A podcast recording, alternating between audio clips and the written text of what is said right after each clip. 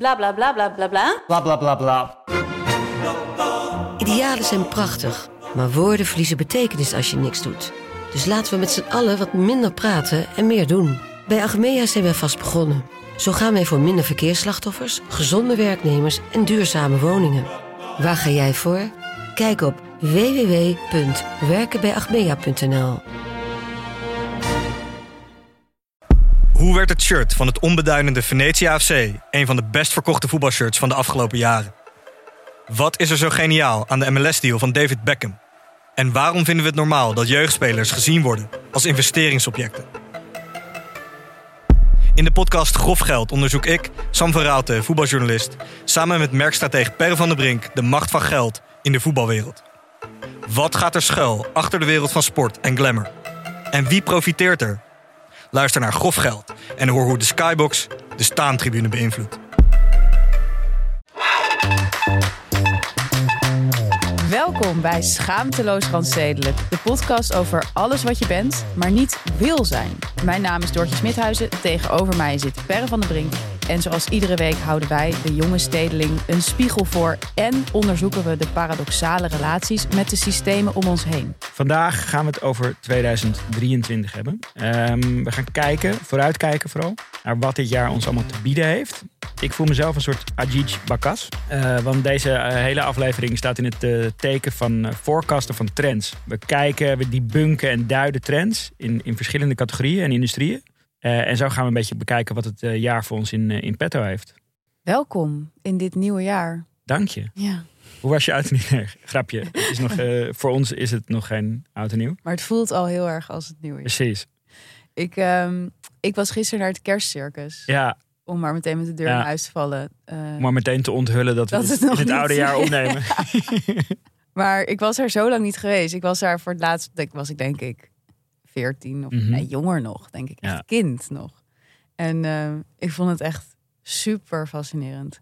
Ja, Het was, het was ook drie jaar of zo uit de running geweest. Zo, dus het is dan dus elk jaar in Carré. Ja. Echt vanaf ehm, voor kerst tot volgens mij na oud en nieuw nog. Ik denk dat mensen misschien zelfs nog wel kunnen gaan als dit eh, online komt. precies. Nog Ja. het laatste staartje je even mee kunnen gaan. pakken.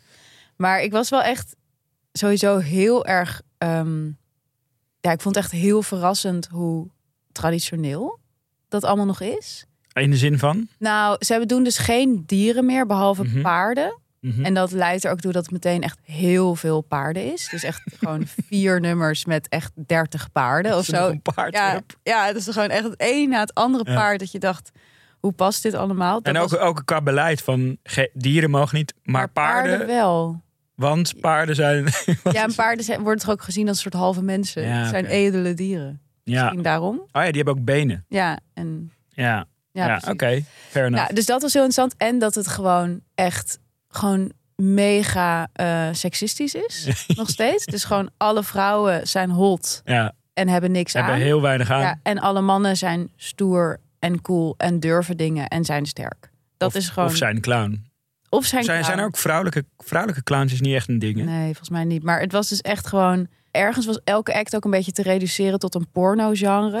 Het nou BDSM was. Of vrouwen die allemaal dingen met elkaar deden op zo'n hoepel of zo. Weet je wel. Of, en er was op een gegeven moment, was echt wel het hoogtepunt, was er ehm, een vrouw. En nou, die was echt heel, ook weer heel prachtig. En haar act was dat ze zeg maar in een eh, soort, in, ja, eigenlijk in een soort jacuzzi ging. Mhm. En dan werd ze daar steeds uitgetild met zo'n ja, zo'n zo'n rek waar ze dan aan hing. En daar ging ze allemaal wel knappe dingen, weet je wel, een soort turn act In de jacuzzi. Ja, de, ze werd dan uit die jacuzzi gehaald en dan was ze dus helemaal nat. En dan ging ze helemaal zo met haar haar zo. En dan spatte dat er zo van. Het was eigenlijk gewoon een wet t-shirt contest. Ja, ja, ja. ja. een- Een soort hooters, maar dan in carré. Was echt, nou, was toch wel, wel weer toch een hoogte. Ik denk dat die kaartjes voor die laatste week nu wel eh, gewoon goed gaan. Ja, ja, ja, nee, zeker. Als het niet al uitverkocht is, Ja. is dat nu wel. Wat ook heftig was, eh, mijn vriend moest meedoen met de clown. Echt. Mm. Ik denk dat dat oprecht een van mijn grootste angsten Ja, maar ik, ik voel, ik voel de- deze... Deze het was al, ik dacht er al aan. Ik had van tevoren al gezegd, ik ben, echt, ik ben echt heel bang voor clowns. ja. En we zaten dus ehm, helemaal vooraan. En, maar gewoon echt ongeveer op. Rond We zaten gewoon op die paarden ongeveer. Eh, wat sowieso best wel eng is. Maar ehm, dus die clown kwam eraan. En ik zag hem eigenlijk al kijken naar mijn vriend. Ik dacht, ja, die, Dit wordt hem. die, ja hij gaat voor hem. En Ja. sowieso leek het ook beleid dat die clown... Misschien dat ze toch een soort van... Ja, tegen grensoverschrijdende gevoelens of zo. Ehm, die man koos ook alleen maar mannen. Ja. Grote mannen eigenlijk. Dus ja, mijn vriend was er gewoon meteen bij. En ik vond dat echt gewoon het gevoel dat je geliefde dan Ja. mee Nee. moet in die bak. ik voor een vol carré is echt...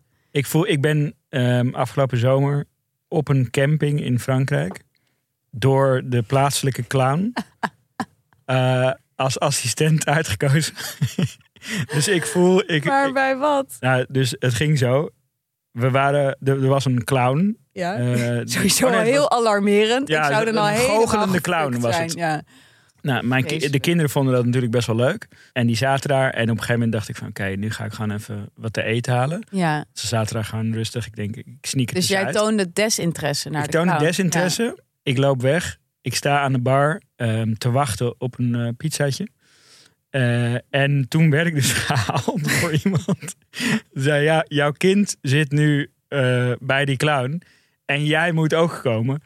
En ik had zeg maar net Jij- gewoon mijn drankjes had ik Ja. net in ontvangst genomen. doodsangst. En ik zo, oké, dus ik nam ook echt zo'n soort hap adem van, oké, nu ga ik dus naar buiten lopen. En ik kom gewoon in een, ik kom op, als Ja. het ware. Eh, ja, en ik werd er gewoon zo onge- ongemakkelijk van. En zo, ik werd er ook extreem verlegen gewoon van. Ja. En die klootzak ging mij dus ook voor gek zetten de hele tijd. Eh, doen alsof ik heel ja, maar dom die was was. En- geschoffeerd door Ja, jou. misschien omdat jij weg- een drankje weglopen. ging halen. En waarschijnlijk wel. zoals ik ook iemand kende die een keer... eh, Die zat een keer bij een talkshow. En toen kwamen Nick en Simon optreden. En toen had hij eh, daar onderdoor gegaapt. Dat was in beeld. En toen werd hij daarna nooit meer uitgenodigd. Ook echt. ik dacht dat Nick of Simon iets... eh, Nee, dat werd gewoon... Je krijgt gewoon een zak over je hoofd. Die was gewoon eh ja. Ja, gerooieerd inderdaad. Maar hoe, hoe, hoe ehm, toen hij weer op de stoel zat, wat Ja. was het eerste wat hij tegen jou zei? Hij zei, het was heel lief. Hij zei, ik was heel blij dat jij niet werd uitgekozen. Nou, Dat is, vind ik wel Ja, dat is liefde, toch? zalige Ja. kerstgedachte. Ja, echt. Ja, nou, en ik had sowieso, ik had sowieso veel kerstgedachten tijdens het kerstcircus. Mhm. Daarvoor zit je er Ja. misschien ook. Werkt Maar wij zaten dus, zoals ik zei, helemaal vooraan. En dat is dus super relaxed bij een circus. Want je zit gewoon bovenop die acts. Dat is gewoon heel eng. Want je Ja. ziet ook gewoon... Kijk, het idee van zo'n circus is toch dat, dat het makkelijk lijkt. Ja, Maar het lijkt niet makkelijk. Als je er een je meter dichtbij- van... Ja, ja, dat ja. is gewoon... Het is niet makkelijk. Mensen hebben pijn. Je ziet de hele tijd die benen je, trillen. hoort, je hoort misschien ook meer. Je hoort ze ook Toch? tegen elkaar zeggen van het gaat mis. Althans, dat denk je. Ze zijn allemaal Hongaars. Oh, ja. ik ze zeggen, maar dat, gevoel, dat dacht ik. Ik zat ook de hele tijd... Dan zetten, ze, goed. dan zetten ze een installatie op. En dan zaten ze dat ook de hele tijd te checken. Weet je wel, van dit, jongens, dit staat niet recht. En dat Ah, stond ja. dan heel dicht bij mij Wel een leuk perspectief. gewoon echt mis. En er zat ook een vrouw naast me. Nou, die had echt de ene na de andere bijna doodervaring. Die, eh, die kwam er niet helemaal lekker uit. Maar goed, wat ik dus dacht. Ik zat dus de hele tijd naar die mensen te kijken. En ik dacht alleen maar, please laat het lukken. Ja. Please doe het goed. Oké, je gaat nu op een piramide van vijf mensen springen vanaf een springplank. Please land goed. Ja. Of als ze over een koord letterlijk door een brandende hoepel gingen springen op vijf meter hoogte. Please land op dat koord en niet ernaast.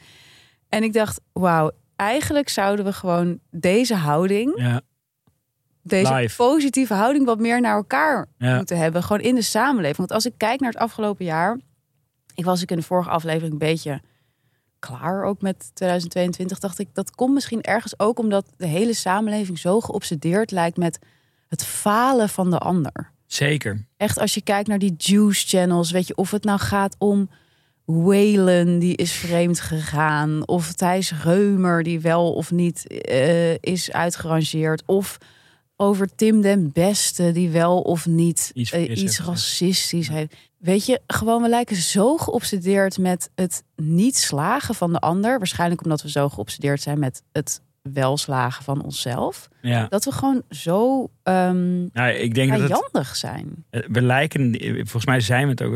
eh, Ja. In, in, in de, mm, Google heeft eh, net als Spotify als zo'n zo'n ehm, soort Wrapped, maar dan Google. Mhm. Year in Search of zo heet het geloof ik. En als je daar dan kijkt naar de mensen die wij googelen. Ja. Dus dan kan je eigenlijk voor ieder land kan je, kan je selecteren wie de top 10 personen zijn die gegoogeld zijn. Dan is eh, in Nederland zijn het letterlijk alle 10 mensen die of gecanceld zijn. Of direct te maken hebben met, met ophef of of, gecanceld of, of gaan worden. cancellation of gecanceld gaan worden. Je En- weet dat je gecanceld gaat worden als Google jou ja. in de... Het gaat als in chronologische volgorde van 1 tot en met 10. Ja, graag. Of nee, van 10 tot en met 1 is spannend. Ja, spannender. Eh 10 Matthijs van Nieuwkerk, 9 Johan Derksen, 8 Mark Overmars, 7 Tamina Akevi, de vrouw van, van Peter, R. de Vries. 6 Glennis Grace, 5 Brechtje Kommers, de vrouw, ex-vrouw van Ali, Ali B. B. 4 Linda de Mol, 3 Leeuw Kleine, 2 Ali B, 1 Jeroen Rietbergen. Wauw. Dus dat, ehm, dat wat jij zegt van het lijkt zo alsof we elkaar graag, zo graag zien falen, dat, dat is dus helaas ook zo. Dus Ja. ik vind jou, ik vind jouw ehm eh, kerstcircus gedachte heel mooi. ja, dat wordt, wordt een beetje mijn, mijn mantra voor het jaar. Nou goed, ik hoop dat we iets minder alleen maar gaan googlen op gecancelde mensen. Ja. En gaan hopen dat mensen gecanceld worden. En iets meer hopen dat de ander slaagt. Juist. Want uiteindelijk heb je er niks aan als de ander gecanceld wordt voor jezelf. Dus ik, ik hoop dat we een beetje op die manier het nieuwe jaar in kunnen gaan. Ja. En ik was dus heel blij om ehm, te zien in jouw eens te meer waanzinnig uitgebreide en met eh, illustraties ondersteunde eh deck voor deze aflevering. Dat het eerste eh, onderwerp neocollectivisme heet.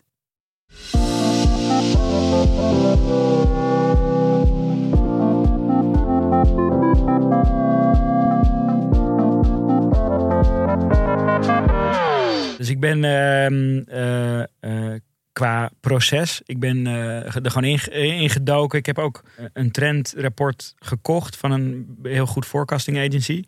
En ik ben gewoon, gewoon heel veel desk eh, research gaan doen. En dat neo-collectivisme zag ik echt op veel plekken terugkomen. En ehm, het is het idee dat hè, we leven nu in een soort maatschappij waar eh, ja, de afgelopen jaren gewoon machtscentralisatie heeft plaatsgevonden. Dus big tech is, heeft de macht in handen. Ehm, en eh, eh, op, op, op meerdere niveaus zijn er ja, gewoon grote spelers die eigenlijk alle macht in handen hebben. En de logische tegenbeweging is dat het gedecentraliseerd wordt. Mhm. En dat eh, is het idee van dat neocollectivisme. Dus dat grote gemeenschappen ehm, zich samenvoegen en eigenlijk een stukje van die macht proberen ehm, terug te pakken. Oké, Wat een op soort zich, machtsblok tegenover het ja, en dat kan dan, in, kan dan allerlei ehm, uitingen hebben. Een heel interessant voorbeeld zelf, eh, eh, vind ik dat dat eh, is een Amerikaans eh, platform. Dat heet Zisquid. Dat is eigenlijk gewoon een boodschappenplatform. Maar wat zij hebben geïntroduceerd is een soort omgekeerd bidding system. Dus jij voert eigenlijk een, een boodschappenlijstje in. Mhm. En dan gaan de supermarkten eigenlijk bieden op jouw lijstje. Dus wie kan het voor, het voor de beste prijs op het gewenste moment bij jou leveren? Dus ja, dus jij vo- voert je, je lijstje in en Albert Heijn en Jumbo en, en weet ik veel welke supermarkten, Mhm. die gaan op jouw lijstje bieden. Maar is dat dan alleen op prijs of ook bijvoorbeeld op duurzaamheid? Of... Ik denk dat er meerdere variabelen Ja, zijn ja, die je kunt, kunt invullen, vullen, maar dat prijs wel zeker de belangrijkste eh, is.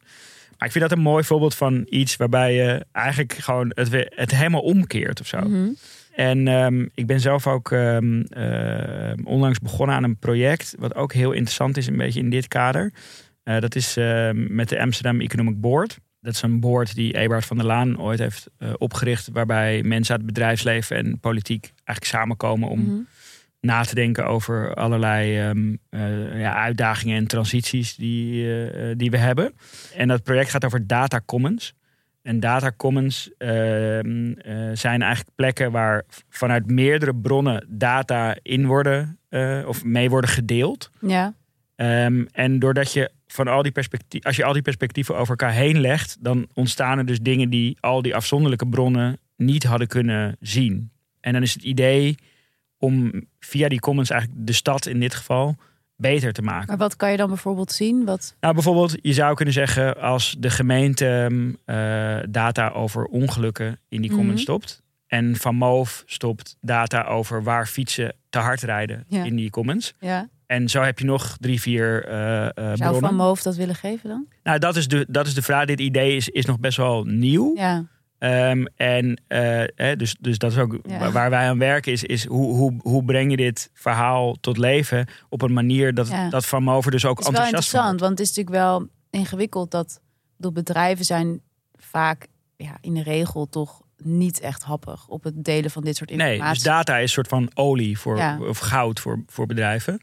Alleen dit idee is van, als je dit doet, dan kunnen er dus problemen eh, worden opgelost in de maatschappij. Of in ieder geval een En bijdrage. dan hoop worden. je dat bedrijven gewoon dat het een soort staat, dus als een soort B Corp, dat het een soort status Ja, het krijgt. is heel grappig dat je dat zegt, want dat was ook een van de eerste gedachten die wij er toen, Ja. toen we eraan begonnen mee hadden. Van, je wil eigenlijk dat het, dat het een soort donatie is, omdat je, hè, je onttrekt iets uit de stad, dus je geeft ook iets, iets, iets terug. Maar dat vind, ik dus ook een mooi voorbeeld van ehm, eh, ja, iets wat hier ook eh aan schuurt, zeg Mhm. maar. Nou, du- dus wat je, wat je hoopt is dat dit gewoon doorzet en dat we. Het is eigenlijk grappig genoeg. We hebben het een paar afleveringen geleden ook over gemeenschapszin gehad. In de aflevering dat die ging over de stad uit eh, ehm, verhuizen. Mhm. En hier zit eigenlijk ook op een heel andere manier die soort gemeenschapszin in, Ja. toch? Dat je als gemeenschap samenkomt en ja, samen een blok vormt om een stukje macht Ja, het is eh, wel te interessant. Ik, ik ben gewoon heel benieuwd in hoeverre dit echt gaat werken. Mhm. Maar ik ben gewoon heel benieuwd in hoeverre bedrijven dit echt gaan doen. Ja. Want waar we het natuurlijk ook over hadden met die B Corps, van dat werd ook al best wel snel een soort van vaag branded. Ja, dat, het probleem daarmee is dat, dat, dat het certificaat zelf een commerciële entiteit Ja. is. En dit, is Dit dit, is, dit is een Ja. common, dus het is ook van niet. Het is Ja, niet van, van eh, eh, eh, de stad, het is niet van die bedrijven, het is niet van de burger. Dat is wel echt mooi, want dat is een beetje het idee van voordat het kapitalisme echt Daar- voeten aan de grond kreeg, Ja. eh, was, was heel veel gebied gewoon Ja. in Nederland en überhaupt was ook common. Ja, dus kon je gewoon land bewerken zonder dat Precies. iemand zei, is dit ook niet een land. Revolutionair nieuw idee. Nee, maar het is het is, juist. wel, het is wel vet dat dat dan nu in de techwereld... Ja. Ja. Dus heel macro dit. Want, en, Ja, en ook echt, transitie, dus zal ook fucking lang duren als het überhaupt eh, eh, doorzet. Maar Ja, wel, wel- Een, mooie, een, mo- een mooie trend. Zeker interessant. En ik, het sluit ook wel aan bij wat ik de laatste tijd signaleer. Maar dit is niet zo. eh, dit is allemaal niet zo eh, data-driven als eh, jouw onderzoek. maar ik heb het idee. Oké, ik heb staan hier. vriendschap is het nieuwe rouw. Ja. Er was echt zo'n tijd in de cultuurwereld, de media, dat alles ging over rouw. Ja. Toch? Hoe moet je rouwen? Eh, wel- welke rol speelt rouw in onze samenleving? Mhm. Herwaarderen van rouw, et cetera. En ik heb dus de laatste tijd het idee dat dat nu vriendschap wordt. Ik zie super veel mensen boeken aankondigen voor komend jaar over vriendschap. Ja. Ehm, heel veel interviews ook de laatste tijd in kranten en zo. Van met bijzondere vrienden, duo's en zo. En wat Mhm. dat dan betekent. En ook heel erg over de vriendschap die zeg maar de polarisatie ontstijgt. Dus mensen die het dan niet met elkaar eens zijn, maar wel bevriend. En, Mm. zo. en ik zag nu ook dat de New York Times onlangs een oproep deed voor mooie vriendschapsverhalen. Terwijl ze hadden natuurlijk heel lang die Modern Love Ja. eh, eh, rubriek. En dat ik denk dat dat dan nu dus de vriendenrubriek Ja. wordt. Dus ik denk gewoon, vriendschap is het nieuwe rouw. Dit wordt gewoon het thema waar we de komende, komende jaar, komende jaren allemaal podcasts, boeken, series, documentaires. Ja. Ja. En ik vond dat eigenlijk wel interessant. Ik dacht, Ik, ik ja, dat waarom het, vriendschap? Ik nou, dacht, volgens mij is eh, verbinding, toch? nou, ik dacht, ik denk dat ook best wel wat mensen ook toch vrienden hebben verloren de afgelopen Mhm. jaren, toch door COVID. Dat was wel echt zo'n tijd, weet je, zo'n shake-out Mhm. had van ehm, mensen met wie je misschien minder eh, eh, op één lijn zat qua Ja. hoe je omging met corona, maar ook gewoon mensen die je gewoon minder zag. Zag. Ja. Het lijkt volgens mij daardoor ook moeilijker om dan een soort van laagdrempelig contact te hebben met Ja. elkaar en- of vriendschappen aan te gaan. Daar zijn ook best wel veel. Ik las ook weer in de Atlantic een hele serie over hoe moeilijk mensen het vinden om ja, na hun twintigste, dertigste nog nieuwe vrienden te maken. Dus Ja. ik weet niet, ik vind het wel interessant. En wat ik ook heel interessant vind, is dat eh, nou ja, bijvoorbeeld eh, Gloria Steinem heeft dat in de jaren zeventig al opgemerkt dat de platonische relatie ook altijd een beetje wordt gezien als de tegenhanger van de romantische relatie. ja. En dat de romantische relatie echt ja, in, in onze samenleving heel erg als soort van steunpilaar wordt gezien voor het patriarchaat eigenlijk. Dus eh, een man en vrouw moeten bij elkaar zijn, altijd. Want dat is stabiliteit. Dat is het, de heilige verbinding, Ja. zeg maar. Met alle gevolgen van dien, zeg maar. Nou, daar hebben we ook al een aflevering aangeweid. Dus dat vind ik ook wel mooi. Dat je dat, dat het misschien dat, hè, dat heel, die heel erge druk op je moet een liefdesrelatie vinden, je moet trouwen. eh, dat dat misschien door zeg maar het, het, ja, het wat herwaarderen van de platonische relatie, Ja, dan eh, misschien dat daar wat minder druk op komt te staan. I like it. Ja, toch? En ik maak me ook wel weer op voor de, eh, die eeuwige verheerlijking van ehm, de mannenvriendschappen dan in dit kader. Want dat is echt iets wat je. Dat is toch echt iets wat mannen doen. Dus dan, Ja. dan, is, dan gaan mannen aan mij vertellen van. ehm, ja, het is zo mooi wat wij hebben met eh, een paar maten van mij eh, van de middelbare school. Wij, wij zien elkaar gewoon om zoveel tijd. Ja. En dan hebben wij En dan is echt goed. een goed gesprek. En dan bespreken wij echt hoe het met elkaar gaat. En dan zijn we ook echt eerlijk tegen elkaar. En dat is zo'n mooie mannenvriendschap. En dan denk ik altijd, nee, dat is gewoon vriendschap. Ja. Weet je, dat is niet man, dat hebben jullie niet uitgevonden. Dat is gewoon, dit is gewoon zo oud als de mens.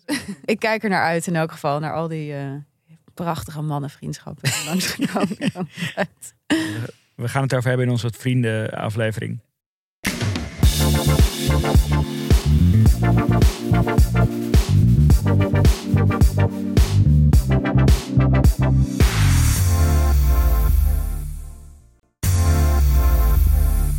Mentale gezondheid Oké. is, is, is natuurlijk in de afgelopen jaren steeds belangrijker geworden Mhm. in ons leven. En, en hebben we het ook ehm, eh, veel over. Optimalisatie daarvan is ook steeds belangrijker geworden. Dus eh, wearables, we, we, we, we houden onze hartslag bij, we Ja, trekken onze slaap, et cetera. alles. Maar die AI die daarin zit, die wordt natuurlijk steeds beter. Het gaat nu meer naar een soort hyperoptimalisatie. Want die AI die kan eigenlijk veel meer voorspellingen gaan doen in plaats van resultaten delen of zo. Weet je? Mhm. Van, in plaats van zeggen van, oh ja, je, je hebt 10.000 stappen gezet of je hebt acht uur geslapen en om drie uur ging het niet zo lekker of zo. Mhm. Kan hij veel meer jou gaan coachen ehm, eh, en vooruit kijken Ja, en, ja, ja. eh, En, en je doelen realiseren en weet ik wat. Dat is ook zo'n trend wat ja, een soort van aan de ene kant ook leuk is, maar ook wel heel Ik vond het wel echt wel vaag hoor. Wat jij dan erin zet van zo'n horloge dat dan ja, je cortisol levels checkt. En dan het signaal geeft, je, Ja. je gaat straks gestrest raken. ja, dus dat Hoe is- weet dat ding je cortisol level? ja, dus dat, ja, dat, Heb je dat een weet ik niet. Eh, maar dit is dus een, een, een, een eh, product van eh, Philips en, en No Watch, samenwerking. En ja, dat ding geeft dan dus aan van, eh, hey, pas op, over een uurtje eh, krijg jij een eh, overstrest, overprikkeld ja. gevoel. Misschien moet je even iets anders gaan doen. En dat, kijk, aan zich, de soort functionaliteit is, is ook prettig of zo misschien wel. Maar het is ook wel heel sketchy. Mijn, mijn, vriendin trouwens, die zei dat, dat cortisol ook helemaal geen goede stressindicator eh, Oh, nee? is. Oh, Ehm, maar goed, meer als voorbeeld van dat, dat het dus veel voorspellender wordt in plaats van meer registreren. Ja, of ja, zo, ja. Weet je? En ik moest ook denken aan een, aan een Frans bedrijf waar ik een tijdje geleden mm, eh, een beetje mee heb gewerkt. Wave heet dat. mhm. Ehm, en zij zijn eigenlijk een coaching, executive coaching platform. Dus een coaching platform voor ehm, ja, werk, werkende mensen. En hun insight is eigenlijk, waar ze van, vanuit ze zijn begonnen met werken, is 80% van de problemen die mensen ervaren, Ja. zijn generiek. Ehm, Ik denk dat het zo waar is. ja, ik denk misschien nog dat het wel 100 hoger is. procent. Ja. Eh, en, en die rest is dan soort persoonlijk. ja. Dus waarom zou je dan liever een coach in de arm Ja. nemen of een AI die eigenlijk Die staat altijd... voor 50.000 coaches? Ja, precies. En die, eh, een beetje zoals bij Her zie ik het Ja. voor me. Dat je gewoon zo'n chick in je oor Ja. hebt die van inderdaad miljoenen mensen weet met wat voor dingen ze eh, moeite hebben. En dat jij dan een vraag kan stellen en zij weet gewoon wat voor 50.000 mensen. Een Dit- soort jet, chat GPT ja, ja. shrink. En dan met nog meer persoonlijkheid of zo. kennis, ja. Ehm, en, en di- dit project ging Eerlijk, ook. het lijkt me geweldig. Nou, ik, ik, ik, ik, ik, werd ook wel enthousiast van, maar ook wel van ja, het is ook wel weer sketchy om al, dat, al die dingen te Ja, delen. maar ik met- denk dus dat het dat een deel van. Het, het is toch ook gewoon heel goed ergens voor je, voor je gevoel over je eigen problemen. Dat je weet, heel veel mensen hebben dit. Mhm. En dat je niet denkt, ik ben de enige die daarmee rondloopt. Dat is natuurlijk die therapie zoals we het nu hebben, is natuurlijk alleen maar gefocust op jou. Ja. Terwijl als zo'n zo'n bot tegen je zegt, nou, op dit moment hebben wereldwijd 1,2 miljard mensen last Ja. van hetzelfde gevoel. Ja. Dit is wat je eraan kan doen. Ja, het geeft je ook wel een Ik soort van. Zet heel- je ook wel weer eventjes op je plek. Perspectief, Ja. weet je. Ik denk dat ik daar heel rustig van zou worden. Wel sick hoor, Per. Denk je dat dit echt, dat dit dit jaar echt... Nou, ik denk wel dat zo'n ding als Wave, eh, dat dat gewoon, eh, als, dat, eh, als dat product steeds beter wordt, dat het een beetje soort, soort undeniable is of zo. En dat wordt dan een app. Ja, een soort gewoon- headspace. Ja, het- je neemt gewoon een abonnement en, en eh, ze zijn nu, zij, zij, zij zitten nog echt in de, in de ehm, ja, start-up. Er, zit- er werken 10, 20 mensen of zo. Ah. Ehm, de, en, en, ze hebben nu net weer een, een, een grote investering binnengehaald. Dus zij zijn nog dat product aan het optimaliseren.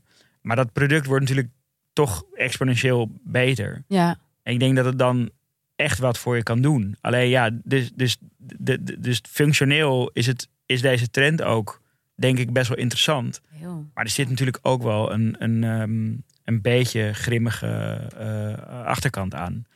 Want hè, zo'n horloge waar we het net over hadden, Ja. of, of Wave. eh, zorg, wa, wa- wat is de rol van zorgverzekeraars? Ja, precies. Wat gaan ze doen met al die gevoelens van mensen? is het zo Ja. van, eh, hey, je, je premie is, is 150 euro per maand. Maar als je je Philips No Watch data Ja. met ons deelt, krijg je 10% korting of zo, weet je? Ik, ik weet het niet, maar Nou ja, dat zou kunnen gebeuren. ah, ligt het er dan aan wat er dan gedeeld wordt? Want als dat Philips ding de hele tijd ja, knal, uit, elkaar knalt van de cortisol level, ja, ja. dan zeggen ze ja, dat wordt toch eh, Ja. 250 euro. Ja, nee, Nou, ja. eh, there you go. En, en dat zou dus ook een, in, in theorie een bus- businessmodel kunnen zijn voor Philips. Dus als je die data Ja. verkoopt, zor- zorgt voor is hele waardevolle data. Dus dat is natuurlijk wel echt de dystopische andere kant van dit. Heel ehm, dystopisch. In het kader van dit soort eh, dystopische wellness, kunnen we het wel noemen. Eh, ik ben nog steeds heel erg Dit is gevast- trouwens een nieuwe. Disto wellness zou, zou dan een goede trend Is dat al een, is Nee, dat al een maar term? dat- Wow, bij deze. Ja. Disto wellness. Ehm, ik ben nog steeds helemaal gefascineerd door die eh Zuidas spa, waar Ja. wij ook wel eens samen naar gekeken hebben. Dat Renaissance. Ja. Rena- Renaissance. Ja, zoals Ja. Renaissance. Ja, precies. Een soort, soort verbastering tussen re- renaissance en... Renew. Ja. Ja. Eh, maar dat is een spa op de Zuidas die ook heel mooi beschreven is door onze vriend Jonas Kooijman in, eh, in NRC. Waar je voor, eh, het is 16.000 euro per jaar Ja, in totaal. Kan je daar helemaal relaxen en tot Dus rust komen. gewoon, wat is het? Vijf, bijna 1500 euro per, per, maand. maand. Ja, dus voor alle mensen die, die helemaal, helemaal eh, moe zijn van het merchen en expositionen en eh, Wat wat ze daar de hele dag doen. Kunnen ze daar lekker in de cryo lounge en in de infrarood sauna. En wat, en wat ik dus heel boeiend vind, is dat je op die site, je wordt gewoon aangesproken alsof je al een avatar bent. Ja. Want de slogan is ook Remember Your Future. En dan zie je een hand, een geanimeerde hand, en die raakt water aan. En dan wordt die hand een soort hologram. Alsof je dat wil als mens, weet je wel? Dat je een soort van, ja. Dat ook well-being is. Ja, dat is blijkbaar hoe we nu wellbeing zien. Ja. Dat je in een soort transparante robot verandert die alleen maar wordt opgeladen. Want je klikt vervolgens ook op de knop Recharge Now. Ja, ja, Om in het menu te komen van de behandeling. Alsof je gewoon een iPhone bent. Zo. Het is gewoon... Als je het over hyperoptimalisatie hebt, dan klopt het wel. En het is gewoon, je hebt natuurlijk dat biohacking, weet je wel. Dat, was, dat is natuurlijk nog steeds in. Silicon Valley heel populair. Dat mensen hun witte bloedcellen gaan bijvullen. En de hele tijd met, inderdaad ook met cortisol levels en eh ketose en dingen bezig zijn.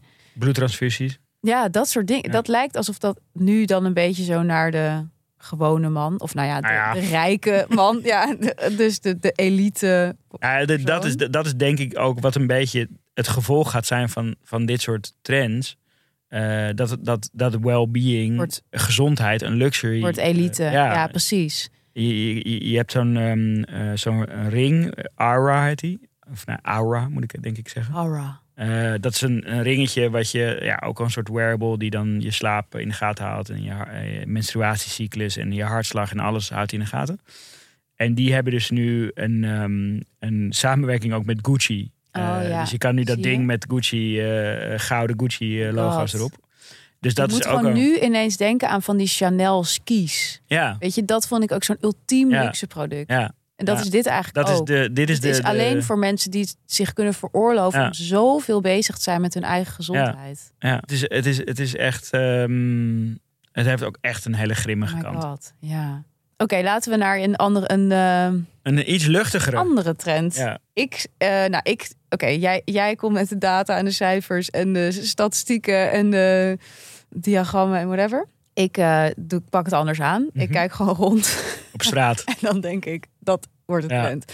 En eh, dus zo stond ik laatst, ik stond op de pont en ik zag een meisje, zo'n hip eh, meisje, die stond naast me en die stond gewoon helemaal in joggingpak van Playboy. Mhm. Dus met die eh, Konijntje. konijntjes erop, weet je wel. All over. Print. Ja, gewoon overal. En toen dacht ik, Playboy, dat gaat ook. Maar was maken. zij, eh, zeg maar, was dit ironisch of non-ironisch? Nee, nee, nee. Zij was gewoon, ik denk dat ze twintig was en dit was gewoon haar outfit. Van, Maar ging zij daarmee gewoon naar, naar het was een... gewoon 's ochtends. Het was gewoon tien uur. Ze ging niet naar het skatecafé hiermee. Nou, dat had ze ook kunnen doen, denk ik. Zo zag ze er wel uit. Maar goed, dus ik ging even googlen. En inderdaad, het is dus Playboy. Heeft er dus de afgelopen jaren alles aan gedaan om wat ze Ja. zelf noemen een inclusief, sex-positive Gen Z brand te worden. En het lijkt ze dus ook te lukken, Ja. want hun, ehm, hun sales, hun, hun verkoop is echt de afgelopen maanden, paar jaar, is gewoon enorm gestegen Ja. aan de hand van eh, ja, allerlei campagnes met influencers, samenwerkingen met hippe merken en zo. En ik was, ik raakte gewoon helemaal in een soort ja, halve identiteitscrisis, maar ook gewoon vraag van wat zegt dit nou over de samenleving? Mhm. Want ik weet nog, ik weet niet, hoe het- maar toen ik op de middelbare school zat, toen droegen mensen dit Ja. echt. Ik weet nog dat ik op de middelbare school kwam en dan meisjes in de vijfde, zesde, die hadden van die t-shirts en petten met zo'n Playboy konijn. Ja. En ik vond dat echt zo vet. Ja. Nou ja, en ik, dus, maar goed, ik durf dat zelf niet aan, want ik Mhm. vond dat gewoon veel te, ja, veel te sexy eigenlijk. Maar achteraf was het natuurlijk, als ik daar nu aan terugdenk, was dat zo bizar. Dat mensen in de beginjaren van deze eeuw, dat merk, wat echt staat voor onderdrukking van de vrouw Ja. eigenlijk, zo massaal omarmde als iets wat cool was om uit te dragen. En ik weet vooral nog dat ook een van de populairste meisjes van mijn school, die had zelfs een Playboy dekbed. en toen, ik, toen dacht ik ineens, als je daar dan op wordt ontmaagd, dat is toch zo'n rare inluiding van je seksuele leven. Ja. Maar goed, dus hier dacht ik over na. En dus ook dat ik het gewoon zo apart vind dat Playboy er nu dus in is geslaagd blijkbaar om zich te promoten als een heel ja, inclusief merk en echt voor Gen Z. Terwijl als je naar dat blad kijkt, Mhm. ja, dan staan er toch eigenlijk vooral ehm, hele eh, dunne witte vrouwen in. Ze, doen, doen ze nog dat, dat bekende mensen... eh, Nee, en ze zijn dus echt, ook hè? niet meer helemaal naakt. Omdat ze ook volgens mij wel inzagen van ja, dat is niet meer echt een unique selling point, zeg Mhm. maar, voor een blad. Dus het is nu dan een soort van, ja, dan heel esthetisch. Maar dat heeft Ja. ook meer te maken met hele opgesproten lippen. En eh, nou goed, ik lees het verder alleen maar voor de artikelen natuurlijk. Er staat wel altijd de column van Ginny in. Ginny heeft een column inderdaad. Ja. Ja, maar is het niet ook het, het, het, het ehm, laten we zeggen, het decoloniseren van de, van de Playboy? Dus het terugclaimen Ja, dat de... zou kunnen. Dus dat je een soort van omgekeerde appropriation of zo. Van nu gaan wij dit merk dragen, want wij zijn wel Ja. sekspositief. Maar ik denk dan wel, waarom moet het dan Waarom dan dat- de Play... Ja, waarom Het niet voelt ook een beetje alsof, weet je, wat je ook soms wel als kids, het was een tijdje waren die band-shirts heel erg in. En Mhm. dan zag je echt van die meiden met zo'n Nirvana-shirt Mhm. lopen die echt nog nooit hadden gehoord van- van eh, Kurt Cobain. Weet Ja, dus jij zou zeggen, dan moet je iets nieuws. ja, misschien wel. Het voelt dan raar om Maar terug valt het misschien samen met zo'n Y2K-trend of zo? Dat, dat, Ja, dat er dan twee trends samenkomen en Maar net zoals dat de tramp-stamp nu ook weer in is. sowieso trends in tatoeages is, is, Is, zo'n idee. slecht idee. Is geen goed idee.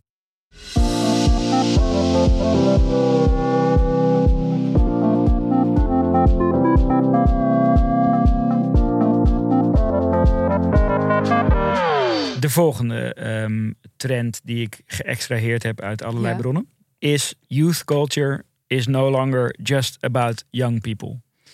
Eh, best wel geruststellende gedachte Ja. voor, voor, voor iemand eh, met mijn leeftijd. Eh, die zich wel nog aangetrokken voelt tot youth culture. En ja, youth culture ging altijd over de rebellerende youth Mhm. natuurlijk. En op een gegeven moment heb je daar iets meer afstand van. Maar wil je ook niet ja, gewoon kleden als Boomer iemand zijn. die 60 Ja, is. ja. Ehm, dus, de, dus deze trend vond ik wel, ehm, eh, eh, wel lekker. Eh, en als je in die rapporten dan verder leest van waar komt het vandaan of zo, daar, Mhm. daar kwam best wel een interessante rationale kwamen ze mee. En dat was dat het juist ingezet werd door niet, want je zou denken het is gewoon mensen zoals ik die, die ouder worden, maar eigenlijk Ja. nog jong willen zijn. Die dan een culturele trend gaan bedenken om er nog bij te horen. Precies. Ja, Een beetje zoals van die mannen die in Noord altijd nog op zo'n longboard zitten. denkt, precies. precies. Dus dus dat je het gaat post-rationaliseren, zeg maar. ja. Maar eigenlijk in, in meerdere bronnen vond, vond ik juist ehm, dat deze trend is ingezet door Gen Z'ers. Ja, ja, Die ja. dan zo anti-stereotypen Mhm. zijn. Ehm, dat ze vinden dus dat youth culture ja, ook... ja, het moet inclusiever. Dus hun eigen cultuur moet ook inclusief. Ja. Ja, ja. ja. wat ik best wel een opvallende eh, bron van deze trend dan vind. Ja. Weet je? Ik vind het wel interessant. Ik, ik vind het wel goed. Want ik denk dat, dat, dat wat je dus ziet, is dat eigenlijk wij mensen zijn zo bang vaak om relevantie te verliezen. Dat ze heel erg gaan overcompenseren, toch? Dat heb ik. Ik vind soms echt die boomers, joh. Ik luister dan vaak naar. naar ken jij eh, Leonard Ornstein? Weet je wie dat is? Mhm. Nou, ik luister dus vaak naar Radio 1. En eh, nou, hij is gewoon journalist. Weet je, Ja. hij was lang volgens mij hoofdredacteur van Nieuwsuur. Misschien is hij dat nog steeds. Maar Niet meer, maar... nou, misschien is hij nu met pensioen of zo. Maar hij zit gewoon voor mijn gevoel elke week bij Radio 1. En hij heeft gewoon over alles een mening. Ja. Je kan die man over alles iets vragen. Opinie maken. Heeft, hij heeft gewoon echt over of het nou Oekraïne is, corona, eh, eh, de, eh, weet ik veel, de, de staatsschuld, Qatar. En dat, hij voelt voor mij gewoon echt als de boomer. Ja. Weet je wel? Gewoon zo iemand die dan heel lang een hele rijke carrière heeft gehad. En nu eigenlijk moet gaan afzwaaien, maar dat niet wil. En daarom gewoon heel erg gaat overcompenseren in ja, zich laten gelden overal, Mhm. zeg maar. Mhm. En ik zal, hij zal vast wel eens iets zinnigs zeggen, maar het voelt zo ergens ook zo krampachtig. Ja, En ik denk als we nou inderdaad zouden zeggen van... eh, ja, we moeten stoppen met dat verheerlijken van de jeugd. En ouderdom is ook mooi. En, gun elkaar nou even. ja, en ook je kan ook gewoon lekker met pensioen, weet je wel. Dat is, ook, is ook niet gênant, Ja. weet je wel. Ik denk dat mensen ook heel bang zijn om met pensioen te gaan... en het niet meer druk te hebben Ja. of zo. Want ik denk wel ook, ja, het is ook niet helemaal goed... dat mensen zo lang op dezelfde posities blijven zitten. Mhm. En zo zich vastklampen aan ja, die relevantie die ze in hun leven hebben opgebouwd. En maar niet Nee, ja, precies. Maar plaats dat- maken. Ja, dat, dat- zeker. Eh, alleen dat is natuurlijk wel een ander, ander thema, toch? Van dit, dit is meer van. Dat is meer macht. Ja, precies. Maar misschien als zij zich in gewoon cultuur en trends en zo zich ook meer herkend Ja, precies. dat ze dan dus hun heil elders, ja, elders dus- zouden dus- zoeken. En- dit is eigenlijk een soort neo-collectivistische ja, eh, paard van Troje trend. Ja. Ja, ja, dat hoop ik. ja. Ik had laatst, mijn zusje is heel goed in het introduceren van hele ehm, heftige theorieën tijdens eh, Sinterklaas of nou, dus de kerstdiner. wel lekker om zo iemand te hebben, toch? Ja, is wel heel fijn. Ja. Ja. Dus zij introduceerde laatst eh, tijdens een diner eh, met de familie ehm, de theorie van Max Planck. Mhm. Dat is een natuurkundige uit de vorige eeuw. Maar eh, eh, hij is nu al lang dood. Maar hij, hij was ook een soort allround denker. Hij was Ja. ook socioloog, filosoof. Holistisch denker. Dat soort mensen had je toen echt. Ja. Die dan echt eigenlijk al die wetenschappen eh, konden, Alles ze, konden. konden ze. Een soort Leonard Ornstein. je waard net. gewoon voor zijn tijd. En ehm, die had het idee dat sociale verandering komt eigenlijk gewoon nooit echt tot stand. al omdat mensen van gedachten veranderen, maar gewoon omdat invloedrijke mensen doodgaan. Ja, Dus om echt tot een Ja. nieuwe, ja, Ja. tot een cultuur eh, shift te moeten komen, een echte vibe shift. Ja. Daarvoor moeten En dit is misschien die reden dat die transities 30 jaar duren. Ja, dat denk ik dus. En, dat is, en dat is natuurlijk interessant. Dat je, en ik denk dat inmiddels ook wel heel erg. Weet je, je kan wel babyboomers ervan proberen te overtuigen dat ze echt moeten stoppen met vliegen. Of echt minder vlees moeten Maar eten. eigenlijk Maar moeten ze dood. Dat- dit is- ik denk niet dat het gaat lukken. Maar wat, wat ehm, eh, het is heel naar, je wordt het ineens, maar terug naar jeugdcultuur. wat, wat, is wel, eh, wat ik wel leuk vind, is dat je dus ook ziet dat ehm, daarop gehandeld wordt. Ook weer Gucci als, als voorbeeld. Je hebt zo'n eh, meneer Gerald Stratford, een Britse man, die, die, die ehm, ja, eh, ik weet niet hoe oud hij is, maar hij zal denk ik 78 of zo Mhm. zijn. Hij maakt hele grote groenten. Dus echt enorme courgette en weet ik wat allemaal. Heb je hier een plaatje van? bij? Ja, het, het staat. eh, we kunnen het sowieso Oh, ook ja. delen. eh, ehm, Maar hele grote. Maar zijn dat echte? Ja, ja, ja, dus hij, hij verbouwt dat gewoon. En hij ging om die reden ook een soort viral. Maar is TikTok. soort van genetisch gemodificeerd? Nee, nee, nee. Gewoon, gewoon eh, oké. Er zijn gewoon ook grote groenten, schijnbaar. Maar die, maar die Gerald Stratford, eh, die ging dus een beetje eh, op TikTok, eh, Mhm. werd dat wat. En, en die zit dus nu ook in een campagne van Gucci. Dus dat ze met hem in, die, in die tuin zitten. En Prada, die had afgelopen seizoen ook Kyle MacLachlan, eh, die eh, eh, oude Twin Peaks acteur. Eh, en Jeff Goldblum als modellen. En wat ik daar ook wel cool aan vond, is dat het dus ook qua uiterlijk, het zijn niet van die mensen die er per se super jong uitzien. Nee, nee, nee, Dus gewoon als echt je soms oud. oude mensen hebt die, Ja. die, die heel jong lijken. En dat is ook wel goed in deze tijd van cosmetische. Ja, maar dat Ehm. zie je toch in Nederland ook wel. Dat steeds meer oudere vrouwen en zo ook in de Ja, maar ik heb ook wel, als ik om me heen kijk, dat ik overal plastische chirurgie. Het is een beetje zo van, je moet zeg maar altijd 30 lijken tot je 80 bent. Ja, Dan mag je 80 lijken. ja, ja. Shit, dan moet Succes. Ik nog best, ja, dan moet je nog best lang. Ja, dan mag je het ook helemaal omarmen. Ja, dan mag je het ownen. Dus, eh, maar in ieder geval een, een, ehm, een gezellige trend, vind ik dit ook wel. Ik vind het ook een gezellig trend. Als we dit dan allemaal in een blendertje gooien, Ja, ehm, wat gaat dit jaar ons dan, dan geven? Ik denk dat je dus niet een, een hele. Als het een smoothie zou zijn, zou die niet heel lekker zijn. Omdat Nee, hij te, te uiteenlopende Ja. smaken eh, heeft, ja, denk ik. Hij heeft aan de ene kant een hele bittere Big Tech afdronk. ja. En ook heel individualistisch weer, Ja. toch? Op Ja. dat wellness. En aan de andere kant een soort hele gezellige, frambozige, neo-collectivistische. Ja, wel het Eh, streven daarnaar. Ja, Dus wel, wel zeg maar boeken lezen over vriendschap en misschien je data delen voor het goede doel. Mhm. Maar ondertussen wel de hele tijd op je eigen Gucci ring kijken of Ja. je nog op je goed op je cortisol zit. ja en, dat, en dat zijn natuurlijk, ik bedoel, dit zijn natuurlijk soort reacties ook op dingen. Ja. En ik denk dat dat ook met trends altijd het geval is. Dat het gaat nooit allemaal één kant op. Eh, Ja. er, er, er zitten altijd voor, ja, tegen anti-trends Ja, het op. is toch altijd deze, antithese. Dat is Ja. het gewoon. Ja, dus dat, dat, dat is ook een beetje hoe, de, hoe het gaat. Hoe de, hoe de golven gaan of zo. Kleuren, qua kleur, zou je een kleur kunnen geven aan het komende jaar? Als je even, als je even echt Adidas Bakkas gaat. Ik, maar dit, is- dit, dan wordt het heel persoonlijk. Ik weet niet of dat het jaar is, maar, maar ik, ik, ik, ik, voel heel erg die ehm, Bottega groen.